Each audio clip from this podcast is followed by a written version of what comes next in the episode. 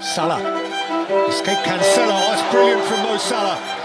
And still, Salah. Oh, sensational!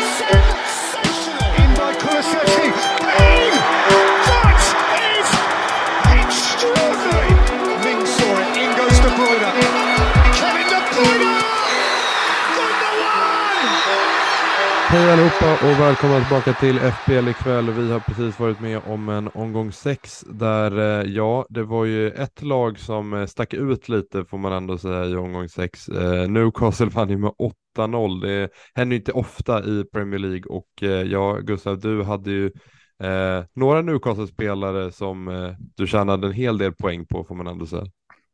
Ja, de räddade min omgång helt enkelt. Eh, både Trippier och Båtman. Eh, 30 poäng totalt på de två var ju mer än vad jag hade vågat hoppas på. Eh, nej, jag gick in i den matchen och, och kände att det hade varit extremt välbehövligt med en hållen nolla och så några bonus. Så kan man komma upp i 14-15 poäng på de två.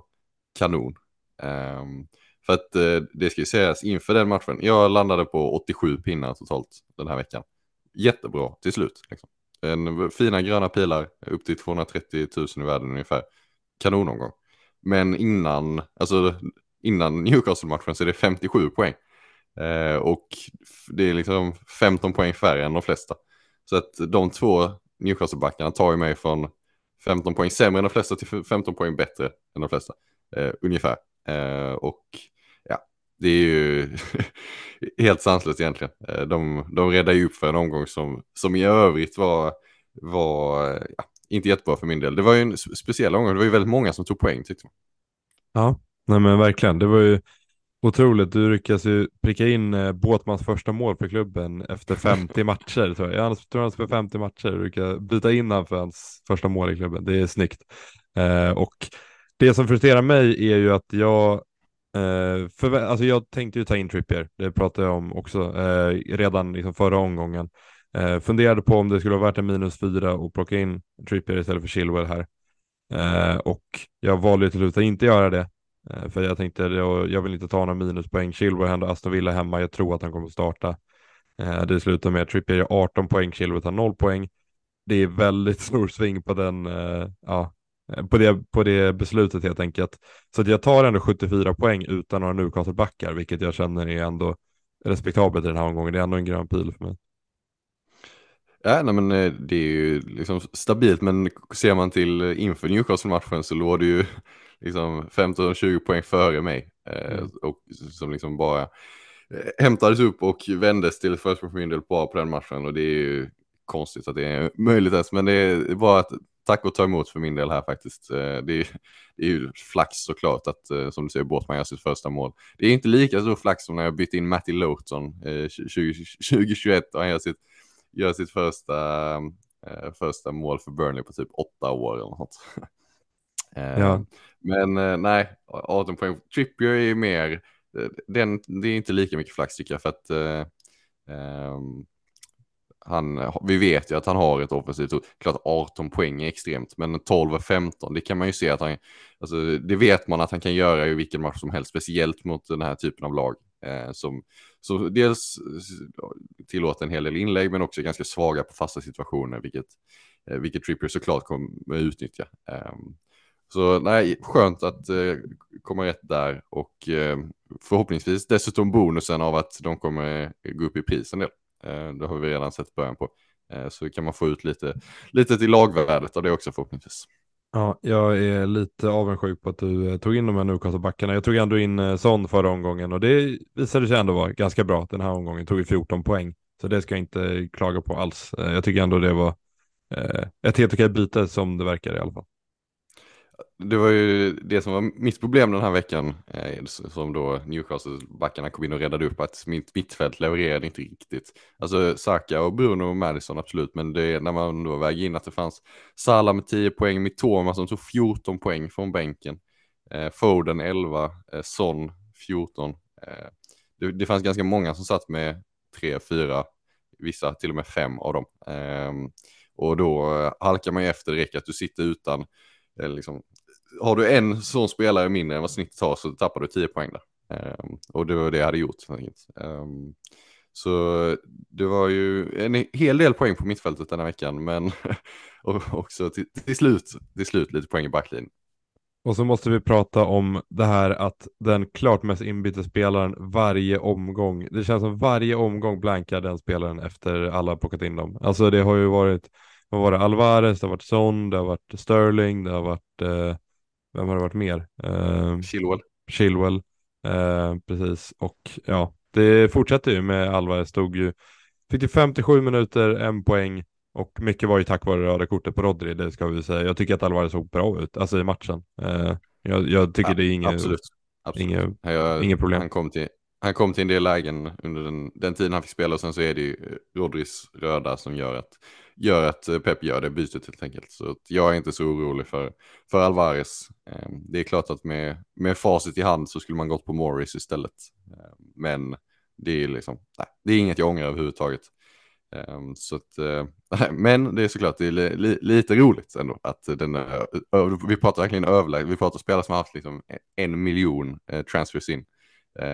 Sterling, Son, Alvarez som, som, som blankar. Men ser man till Son som blankar direkt och sen gör 14 poäng så kanske det är 14 poäng vi har förväntat oss av Alvarez den här veckan. Mm, jag tycker det är fortfarande sjukt när jag bindlar Son mot Sheffield United hemma kan de knappt göra mål, men sen när de möter Newcastle på hemmaplan det blir åtta. Eh, ja, eh, då tycker jag vi går vidare lite för eh, den här eh, dubbelomgången, för du pratade lite om Morris, att eh, Luton och Burnley har ju en dubbelomgång den här omgången och ja, det är inte jättemånga man kollar mot kanske. Jag sitter på eh, en Luton i alla fall och det är ju inte Morris utan det är Caboret och han kommer man ju starta. Eh, jag vet inte hur stora förhoppningar man har på honom, men eh, ändå.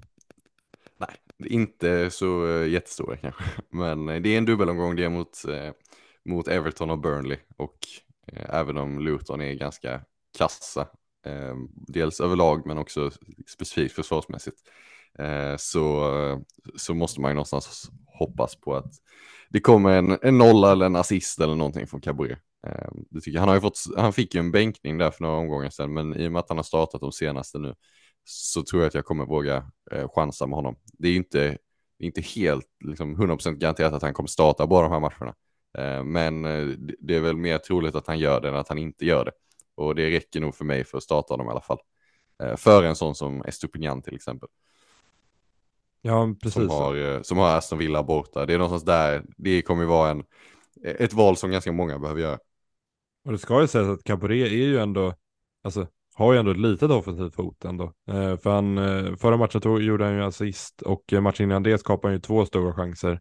Eh, så att ja, det finns ju potential i offensiv väg, men man kan ju inte förvänta sig jättemycket heller.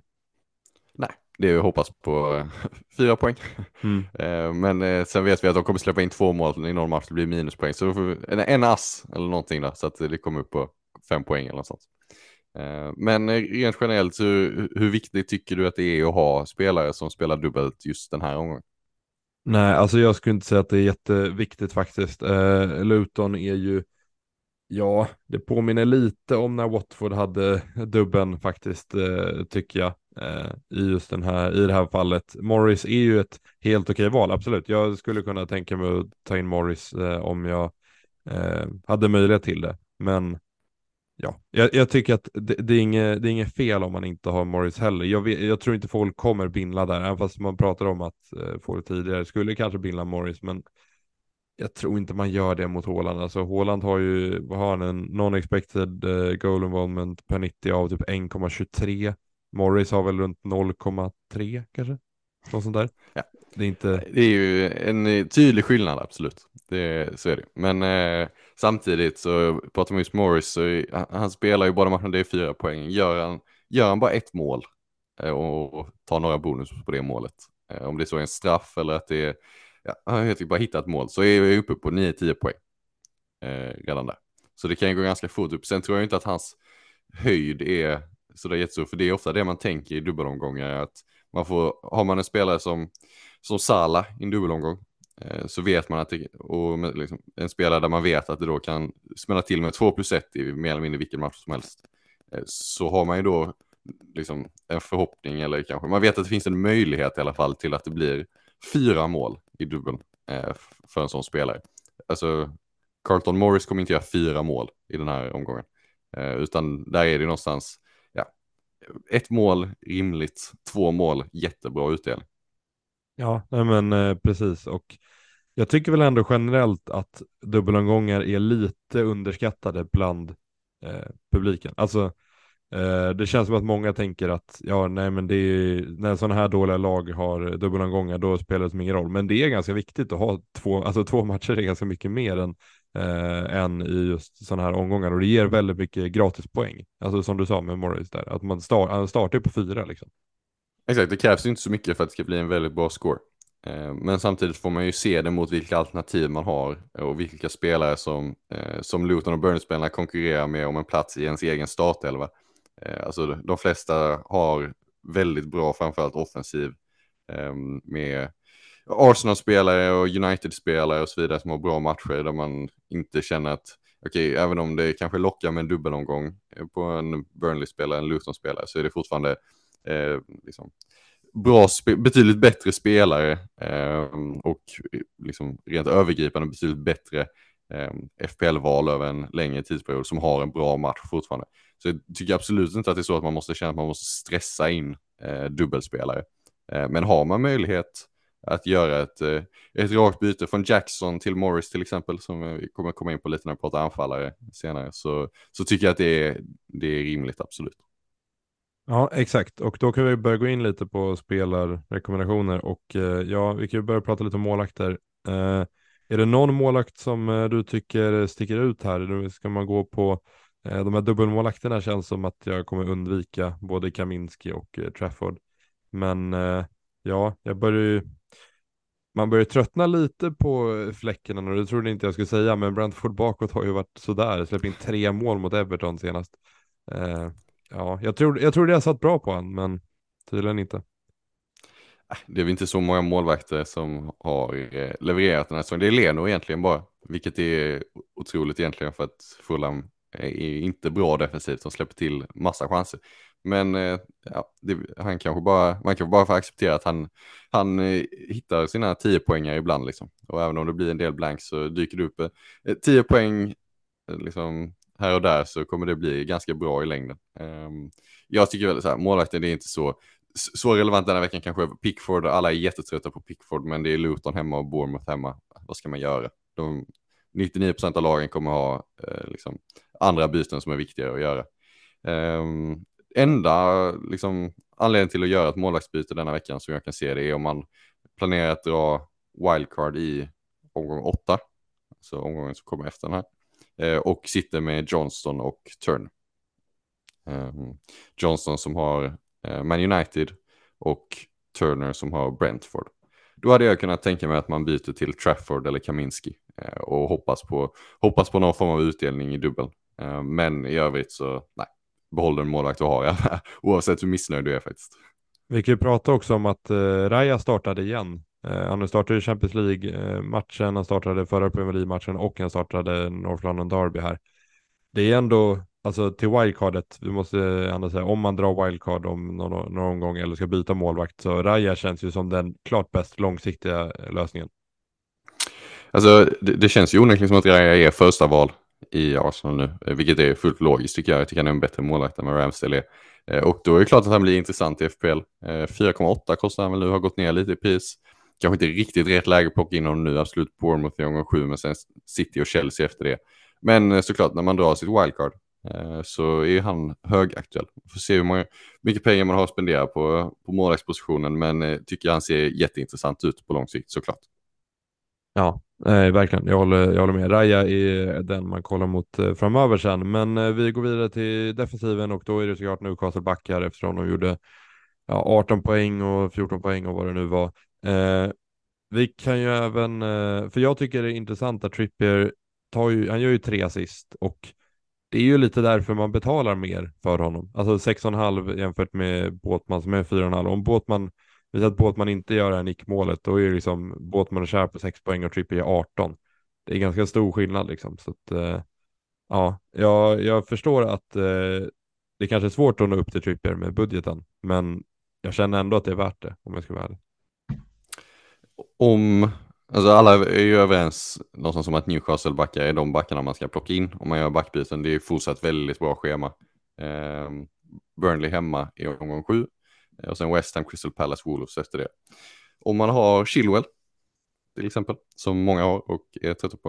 Eh, hur ser du på bytet till, till valfri Newcastle-back egentligen? Eh, eventuellt Trippier om det kostar minus fyra, hur, ja, den typen av, av, eh, av frågor. Ja, det är det jag sitter på och då jag tycker, alltså, jag tycker bara byta. Ja, även fast eh, nu tog ju Gusto rött så att nu kanske Chilwell startar. Men eh, ja, jag tror ändå att Trippier eh, är det klart bästa bytet du kan få in. Ja, även, det var lite jobbigt att Chilwell gick ner i pris och Trippier gick upp i pris igår. Men eh, jag vill också vänta, för City, eller så här, City möter ju Newcastle i en EFL, vad är det, EFL-cupen? Ligacupen exakt. Ligacupen, ja. Och eh, ja, jag ville vänta in den matchen för att alltså, Tripper kan ju spela den och skada sig eller någonting sånt. Så att, ja, det finns ju argument för att vänta lite bara med Newcastle-backen.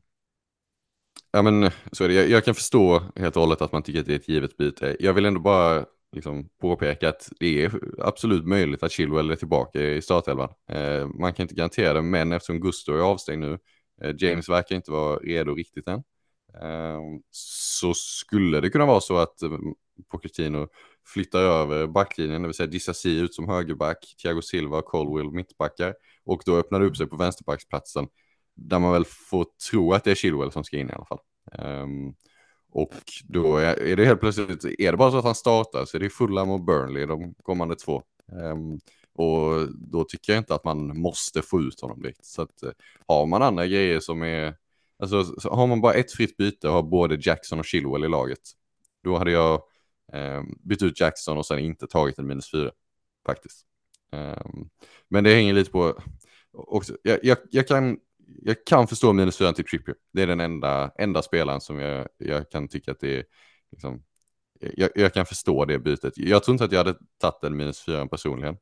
Eh, jag tycker generellt att man ska hålla sig borta från minuspoäng den här säsongen. Eh, för att eh, det, är, ja, det är väl lite mer övergripande diskussion kanske, men det, det, är så här att det finns så många alternativ för varje position och det finns så många spelare man vill ha. Det betyder att de spelarna du säljer ganska ofta kommer vara liksom, bra spelare. Det ser man på många av de bytena som, som folk har gjort den här säsongen. Det har varit Watkins ut och, och det har varit Martinelli ut och så, medan de fortfarande spelat och haft liksom, okej matcher. Så det är fortfarande bra spelare man byter ut eh, och spelare som kan leverera och att då liksom, offra fyra gratispoäng så. Eh, det tror jag kommer kosta ännu mer än vad det gör en vanlig säsong. Ja, jag hade ju tjänat 14 poäng om jag gjorde det förra omgången. Att... Jo, jo, men det var också någon form av extremt utfall. Det kommer, det kommer inte diffa 18 poäng mellan dem den här veckan också. Nej, nej det, det tror vi inte. Men det är, ändå, det är ändå Burnley hemma, det är ändå väldigt, väldigt bra match för Newcastle. Ja, ja men det där är vi överens. Är det någon, och det är så här, är det någon back man ska byta in eh, den här veckan, eller några backar, så är det ju Newcastle-back. Det tycker jag är liksom givet. Då eh, rör vi oss vidare då till eh, mittfält eh, och ja, mittfält är ju eh, det är Salah som levererar vecka på vecka. Ingen av oss hittar på honom. Eh, ska man börja fundera på att få in honom nu? För snart vänder ju ändå schemat måste vi säga. Snart vänder ju schemat. Eh, det är ju två omgångar till dess väl, får man säga. Det är Tottenham och Brighton nu, omgång sju, omgång åtta. Sen ser det ju riktigt bra ut. Um, Alltså absolut, Sala levererar varje vecka, men samtidigt eh, en sån här omgång så var det ju bättre för en slag att inte ha Sala i och med att då hade man kanske Son och, och någon annan mittfältare som tog massa poäng. Alltså när, när alla andra mittfältare tar poäng så är det ju lugnt att vara utan Sala egentligen om du bara får lite träff. Ehm, men det är klart, Alltså, eh, det är svårt, jag vet inte, det är lite samma sak som med Kane förra säsongen, att han tickade på och gjorde det bra varje vecka. Ändå var det inte så många som hade honom för att han var dyr och det var lite krångligt att få in honom.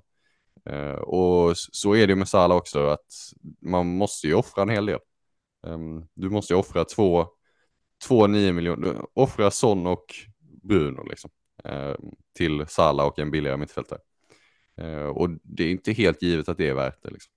Um, och jag tycker inte att det är det just nu. Däremot uh, när schemat vänder för Sala och det blir alltså från omgång 9, omgång 10 någonstans här när det är Everton, Nottingham Forest, Luton, Brentford. Sen visserligen sitter med Fulham och Sheffield United efter det. Ja, man kanske inte vill gå hela den perioden utan Salah. Ehm, eh, men uh, jag, jag, tycker att det är ett liksom, problem man får tackla då egentligen. Det är ingen stress så att få in honom. Nej, nej, utan eh, Salah är ju, han är såklart, vi vet ju att Salah är skitbra. Alltså, vi vet ju att Salah kommer göra poäng eh, hela tiden, så det var ju, alltså det var ju ett val när man valde ut sitt första lag där, att skippa Salah bara för att kunna sprida ut eh, pengarna lite. Tyvärr spelade man ut dem på eh, Bruno och Rashford, fast nu gjorde Bruno lite poäng den här omgången, vilket var ju välbehövligt. Men ja, Rashford har inte haft super, eh, superlycka den här säsongen. Nej, och det jag ska säga med Salah som jag tycker är egentligen mest intressant är att nu räckte det alltså med ett mål för honom för att ta tre bonus i en 3-1 vinst. Eh, det är väldigt sällan det gör det, eh, alltså om man kollar historiskt. Salah är inte särskilt bra på att plocka bonuspoäng eh, och har ofta hängt ihop med att han missar ganska många chanser och inte skapar så där jättemycket. Lite annan roll i år, där han faktiskt är mer involverad i att skapa chanser, vilket är positivt för hans bonuspoäng. Eh, och dessutom är det så att om, man, om det är till exempel Nunez som eh, ska förvalta de chanserna som Salah skapar och han missar dem så är det, påverkar det hans bonuspoäng negativt, vilket vi såg den här matchen. Salah skapade ett par chanser åt Nunez som han missade och det var nog avgörande för att det skulle vara tre bonus till, eh, till Salah och inte till Nunez till exempel. Eh, så att eh, hans roll är lite mer, lite mer kreativ, Eh, vilket kommer göra att det blir fler bonuspoäng för Salah den här säsongen. Det, det vågar jag ändå säga. Den näst mest inbytta mittfältaren inför nästa omgång är ju Mitoma, vilket är Aston Villa borta, Liverpool hemma, City borta i ett eh, roterande Brighton. Eh, ja, vi kan väl ändå säga att man ska väl försöka undvika Brighton de här tre matcherna i alla fall. Um, ja, absolut. Man ska absolut. röra, Nej. alltså knappt, alltså Estopinian är ju, kan man ju sälja i de här tre omgångarna. Det är ju verkligen inget problem. Ja, alltså grejen är att man kommer vilja ha tillbaka Brighton-spelare i omgång 10 eh, och har man då värde uppbyggt i Estopinian och så vidare så kanske man inte vill sälja. Men eh, nej, kommande tre så behöver man absolut inte Brighton-spelare. Och alltså, jag måste bara säga, det var sjukt hur många som hade Mitoma. Alltså han var ju den det absolut värsta spelaren för min rank den här veckan. Alltså, det var typ där 47 procent ägandeskap om man kollade live FPL. Eh, och så liksom scrollar man runt och kollar i ligor man är med och så vidare, ser ju typ ingen Mitoma alls.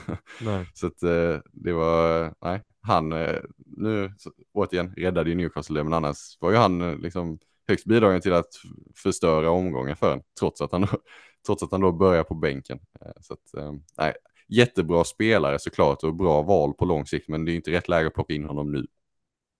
Och en eh, mittfältare som jag tyckte var intressant eh, redan förra omgången, sen startade han ju i Champions League, vilket gjorde mig eh, lite så här, ja, jag hade egentligen ingen möjlighet att ta in honom heller, men Anthony Gordon är ändå en spännande spelare tycker jag nu, framförallt när Harvey Barnes verkar ha skadat sig. Problemet är att han är också på fyra gula, det vet ju Jackson-ägare om att det kanske inte är perfekt, men eh, alltså schemat för Newcastle är ju riktigt, riktigt bra och om Barnes är skadad så är ju det lite av ett fynd ändå som man sett i 5,6. Sen är det svårt att få in honom eh, på mittfältet för att vi har så många bra andra mittfältare. Tror du att det finns någon chans att de spelar Isak på vänsterkanten och spelar Wilson som nia? Eh, ja, alltså det finns ju det, men Gordon har ju varit så otroligt bra den här säsongen. Alltså jag, alltså jag tycker att Gordon har varit riktigt, riktigt bra och jag skulle inte, förvå- alltså jag skulle inte förvänta mig att han skulle sitta bänk. Det är just om man spelar i Champions League mycket och sen så spelar man eh, någon annan i Premier League. Men Ja, jag tycker Gordon har varit riktigt, riktigt bra. Han har spelat klart mest minuter av alla Newcastle-anfallare den här säsongen också. Eh, ja, så att jag gillar 5,6 är sjukt billigt, men Newcastle-anfallare gjorde 12 poäng sen. Jag har en annan differential mittfältare att bolla upp som jag tycker är ännu bättre faktiskt om man ska göra ett mittfältsbyte den här veckan i ungefär den priskategorin. Eh, James Ward-Prowse. Eh, Sheffield United hemma. Sheffield United väldigt, väldigt dåliga på defensiva fasta. Eh, det visste vi redan innan Newcastle-matchen och eh, ja, det blev vi kanske inte... Ja, det, det illustrerade de problemen de har eh, på defensiva fasta. Och vi vet vem som slår, det, slår fasta i West Ham och vi vet hur bra han är på att slå fasta. och ja, det, det, hade inte förvånat mig om det blev ehm, assistpoäng från en fast situation för Ward Prowse den här veckan. Och förutsatt att Sheffield United, liksom, ja, det behöver inte sluta 8-0, men de de lär ju inte ha löst alla sina defensiva problem på en vecka. Eh, så att, eh, här, här, tror jag att det finns liksom potential till en del poäng och ganska lågt ägandeskap. Mm. Det, är, det är många som har bytt in eh, uh, James Wood-Prowse under de senaste omgångarna. Han har ju levererat uh, ja, nästan varje omgång. Men uh, ja, jag, ty jag, tycker fortfarande, jag är fortfarande lite skeptisk till han som FPL-alternativ. Men han kommer säkert göra en hel del poäng. en, en sista mittfälts differential slänga in vilket är sjukt att jag säger att det är Dokore, men Dokore, alltså helt ärligt, Eh, Everton ser väldigt, väldigt, alltså Everton ser, de ser ganska bra ut offensivt. Alltså, jag tror det var Late som skrev att Everton har skapat näst mest störst, alltså big chances i hela Premier League den här säsongen. Eh, ja, det, de, alltså de har ju skapat sina chanser, problemet är att de inte har klarat av att avsluta dem. Nej, precis. Och det är ju Dokore en, en av anledningarna. Han har ju väldigt bra stats. Jag tror han har underliggande, alltså non-penalty expected goal involvement på typ 0,6 per 90 den här säsongen, vilket han brukar ju inte vara riktigt. Men han spelar ju som någon form av släpande striker och han har kommit till en hel del lägen. Luton hemma, Bournemouth hemma. Ja, alltså om, om någon vill gå på en väldigt här, kort panty differential för 5,5, Dokore, ja, eh, jag gillar det man kan i alla fall säga att det finns en del alternativ för de som känner att vi sticker ut lite på mittfältet eh, och har en Esse till exempel som man vill byta ut kanske som möter United eh, och känner att man vill få in eh, något lite mer spännande där så finns det ju alternativ faktiskt. Mm. Både Gordon och Ducouré och Ward Prowse tycker jag är liksom, det finns ganska bra argument för var och en och till varför man skulle kunna byta in dem. En sista kanske mittfältare innan vi går vidare. Sterling Eh, folk är ju trötta på Chelsea-spelare, men eh, om, om Jackson och Chilwell är mer givna att byta ut så tycker väl jag ändå att man skulle kunna behålla Sterling. Jag tycker att han är Chelseas bästa spelare offensivt. Han kommer, han kommer fortsätta starta och det är som sagt, spelschemat är bra kommande två. Så att jag tycker inte att man behöver liksom ja, jag, jag, fattar att Chelsea, Chelsea är frustrerande om man vill bli av med all, liksom, all täckning man har där. Eh, men just Sterling tycker jag faktiskt är okej okay att behålla om man sitter. Finns väl ett argument för att han kanske spelar striker nästa omgång, eller? Inte omöjligt. Jag, vet inte, jag vet inte vem som ska spela där, de har ju ingen annan riktigt. Eh, Brocha kanske är tillbaka i truppen, men annars. Ja, så, så att, eh, ja, vi får se. Det är mm. inte, mm. det är inte 100% men det är klart det är en möjlighet och eh, ja, jag tycker inte att det är ett byte ut man måste göra just nu faktiskt. Mm. Även om man är frustrerad på Chelsea. Eh, då går vi vidare till forwards och ja, Morris har vi pratat om så han kan vi strunta i lite. Eh, Darwin Nunez är en som många har bytt in bara för att han, eh, han spelade 80 minuter senast. Kommer ju till såklart en hel del lägen, har ju samma expected goal involvement per 90 som eh, Håland, precis som förra året. Eh, men eh, Håland är ju den som sätta dit chanserna. Nunez sätter ju inte dit honom på samma, i samma eh, nivå. Men ja, alltså om han får fortsätta spela så är han ju riktigt, riktigt bra. Det är just att eh, de kommande två matcherna, Tottenham borta, Brighton borta, kanske inte just nu man ska byta in honom känner jag. Däremot är han ju väldigt intressant. Alltså, det spelschemat jag rabblade för Sala innan gäller såklart för Nunez också. Eh, så om han bara har liksom säkrat en plats i startelvan då, ja, det är ju det är ju inte sådär jättetroligt att han gör det kanske, de har ju så många alternativ. Ehm, men om han bara skulle lösa lite mer speltid så blir han ju jätteintressant i FPL för att eh, jag tycker, alltså de underliggande siffrorna är riktigt, riktigt bra. Och eh, jag är ändå, alltså jag, jag, tycker att det finns en bra anfallare där om man tittar förbi de allra mest liksom, klumpiga missarna. Så tycker jag att det är en väldigt bra anfallare. Eh, och jag tror att det kan bli en hel del eh, poäng, framförallt när spelschemat ser bra ut. Så att, eh, Nunez absolut en intressant spelare, eh, men ja, inte just nu. Vill man ha spännande differential till den här omgången är det ju Gabriel Jesus ändå mot Bournemouth. Eh, ja, 3,4 eh, procent ägandeskap. Det är ganska lågt Gabriel Jesus som är Eh, ja, tycker jag ser ganska bra ut fast han eh, sätter inte dit några chanser. Och sen måste vi även nämna att eh, Aboni blankade. Det är första gången på vad är det, tio omgångar eller någonting. Ja, men där kommer också, där kommer också bra scheman ganska snart. Mm. Eh, på eh, Nottingham Forest. Ja, det är väl, eh, beror på om man räknar Brentford hemma som en bra match eller inte. Men sen är det Crystal Palace och Luton. Så att, eh, det, det är väl nu folk hade tänkt byta in Avoni egentligen och så då passade han på att blanka lagom till den, eh, lagom till den perioden. Det var ju, Ehm, det var ju mot City, det ska jag säga. Ja. Det... Inte så konstigt kanske.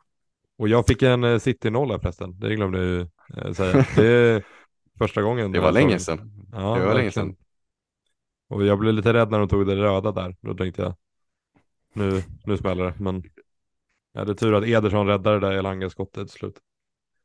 Ja, ja, men det var väl alltså på tiden. De, det är ju ligans överlägset bästa försvar egentligen. Eh, så att det är konstigt att de inte eh, håller fler nollor än vad de gör. Eh, om vi stannar i City, Alvarez. Eh, om man inte, alltså det är väl ganska givet att behålla Alvarez om man har honom såklart. Men eh, om du inte bytte in Alvarez förra veckan eller hade honom sedan tidigare. Tycker du att det är för sent att hoppa på nu? Nej, jag tycker inte det är för sent. Om man, om man, alltså om man siktar långsiktigt så tycker jag inte det är för sent. Samtidigt så är det ju, alltså efter Wolves så är det Arsenal, Brighton, United, Bournemouth, Chelsea, Liverpool, eh, Tottenham, Aston Villa. Det är ju inte, det är inte perfekt schema. Eh, jag vet inte om, alltså jag tycker han är, ett- jag tycker han är ett helt okej alternativ. Jag tror att vi på wildcard förmodligen eh, kanske inte kommer gå på honom för schemat, men eh, Alltså jag tycker att det är en sån spelare som vi på wildcard kommer missa men även kommer fortsätta leverera poäng trots att det är tuffa matcher. Men jag tror att det kan finnas andra bra alternativ som typ Watkins eller eh, ja, någon annan istället. Alltså så länge, så länge De Bruyne är out så kommer han ju spela och då tycker jag att han är ett bra val typ oberoende av spelschemat för att City är så pass bra att de kommer göra mål eh, och ganska ofta mer än ett mål i de allra flesta matcherna. Ehm, men med det sagt, om man har Jackson och måste byta ut honom så hade jag faktiskt gått på Morris istället för Alvarez. Den, nu när vi är framme i omgång sju. Eh, för just på grund av dubbelomgången. Eh, och jag tycker att det är, alltså absolut folk kommer ihåg Dennis och så vidare från de, de berömda dubbelomgångarna som vi har haft förr. Eh, men det, det är fortfarande en given anfallare som tar straffar i ett lag som möter Everton och Burnley i en dubbelomgång. Ehm, jag, jag tycker att det, det trumfar de allra flesta anfallare denna vecka. Sen ska jag också säga att Wolves, man tänker att Wolves är väldigt bra defensivt. Det har de inte varit i år alltså. De släpper ju alltså 2,17 expected goals mot Luton. Eh, det finns ju, eh, ja, alltså de matcherna som spelas, de släpper 2,52 expected goals mot eh, Liverpool och sen 2,11 mot Palace. Alltså de, City kan ju göra, ja inte det som Newcastle gjorde mot Sheffield, men de kan ju ändå göra eh, 3, 4, 5 mål här känner jag mot Wolves och eh, ja. Då Och det är väl därför man bildar Holland. Mm, ja, så är det ju. Ehm, så att ja, Alvarez är ju ett bra val den här veckan också. Det var ju därför vi tog in honom förra omgången. Vinden, alltså den kommer ju sitta på Håland för mig i alla fall. Det känns inte som, det, har- det har varit en lite tuffare match så hade jag kunnat eh, argumentera för att Morris är ett bättre val. Eh, men nu när det är Wolves, alltså det, det finns ju alltid möjlighet till hattrick när det gäller Håland. Och två mål är ju klart realistiskt. Eh, så nej, jag, jag kan förstå det om man eh, känner att man vill ta chansen med dubbelomgången. Men man ska inte känna att man måste göra det utan det är ju, det är liksom, ja, vad ska man säga, det är Håland mot Wolves, det är klart man kan bindla honom. Det är klart att det kommer att... han kommer ju vara bindlad av liksom, 85 procent. Eh, så det kommer ju vara skyhögt ägandeskap på honom som vanligt denna vecka. Ja, men verkligen. Eh, snabb bara fråga kring det här spelschemat nu som City har då, det här långa spelschemat. Tror du man kommer spela Håland varje vecka framöver? Eh, Det tror jag inte att man kommer göra. Eh, Jag tror att omgång åtta, så när City möter Arsenal så kommer folk titta mot Spurs-spelare som möter Luton. Sen omgång nio mot Brighton tror jag vill man bindla Håland. Omgång tio så möter City United medan Liverpool och Nottingham Forest hemma och Arsenal och Sheffield United hemma. Tror jag också att folk kommer binda annorlunda. Um, Sen Bournemouth och Chelsea, eh, då bindlar man väl Håland. Uh, eh, Och sen så är vi så långt fram i tiden så vi får se vad, se vad vi är då. Det är mycket som kan ha, kan ha hunnit förändras. Men uh, nej, det tror jag inte. Jag tror att folk kommer liksom um, titta mot lite andra alternativ. Jag tror inte man kommer binda Håland i varje match framöver. Vilket Nej. är kul. Det blir ju Mm. roligare av att det är liksom lite olika alternativ. Verkligen. Lite snabbt då, vilka, vilka kollar du emot att byta in den här omgången? Alltså om jag gör ett byte så blir det Morris in istället för Archer. Jag har tillräckligt med pengar för det. Eh, och i sådana fall bänka Madison mot Liverpool kanske. Um, men problemet med det, det var egentligen min plan. Eh, problemet nu är att det har varit så mycket prisförändringar eh, på spelare som jag har plockat in och, och på spelare som jag vill ha framöver. Eh, det är Alvarez som gått upp och Båtman gick upp innan jag plockade in honom och eh, Son har gått upp en massa. Så att eh, om jag plockar in Morris så kommer jag inte ha råd med Son i omgång åtta. Och egentligen var planen Saka till Son då. Eh, så i och med att jag måste då välja mellan dem så tror jag att jag kommer spara byte så jag kan plocka in Son nästa vecka istället. Okej. Okay. Ja, och jag kommer göra Chilwell till Trippier är jag väldigt säker på. Men eh, ja, trots att eh, Chilwell kanske startar. Men eh, det kanske jag borde gjort förra veckan också. Men eh, vi får se hur det går helt enkelt. Vi hoppas att eh, det kommer gå bra för alla i omgång sju. Eh, hoppas på en del mål från eh, Håland och eh, ja, Alvarez och eh, alla andra spelare som man har i sina lag. Vi får tacka för att ni har lyssnat den här veckan. Vi eh, hörs framöver så får ni ha det bra allihopa. Hej då!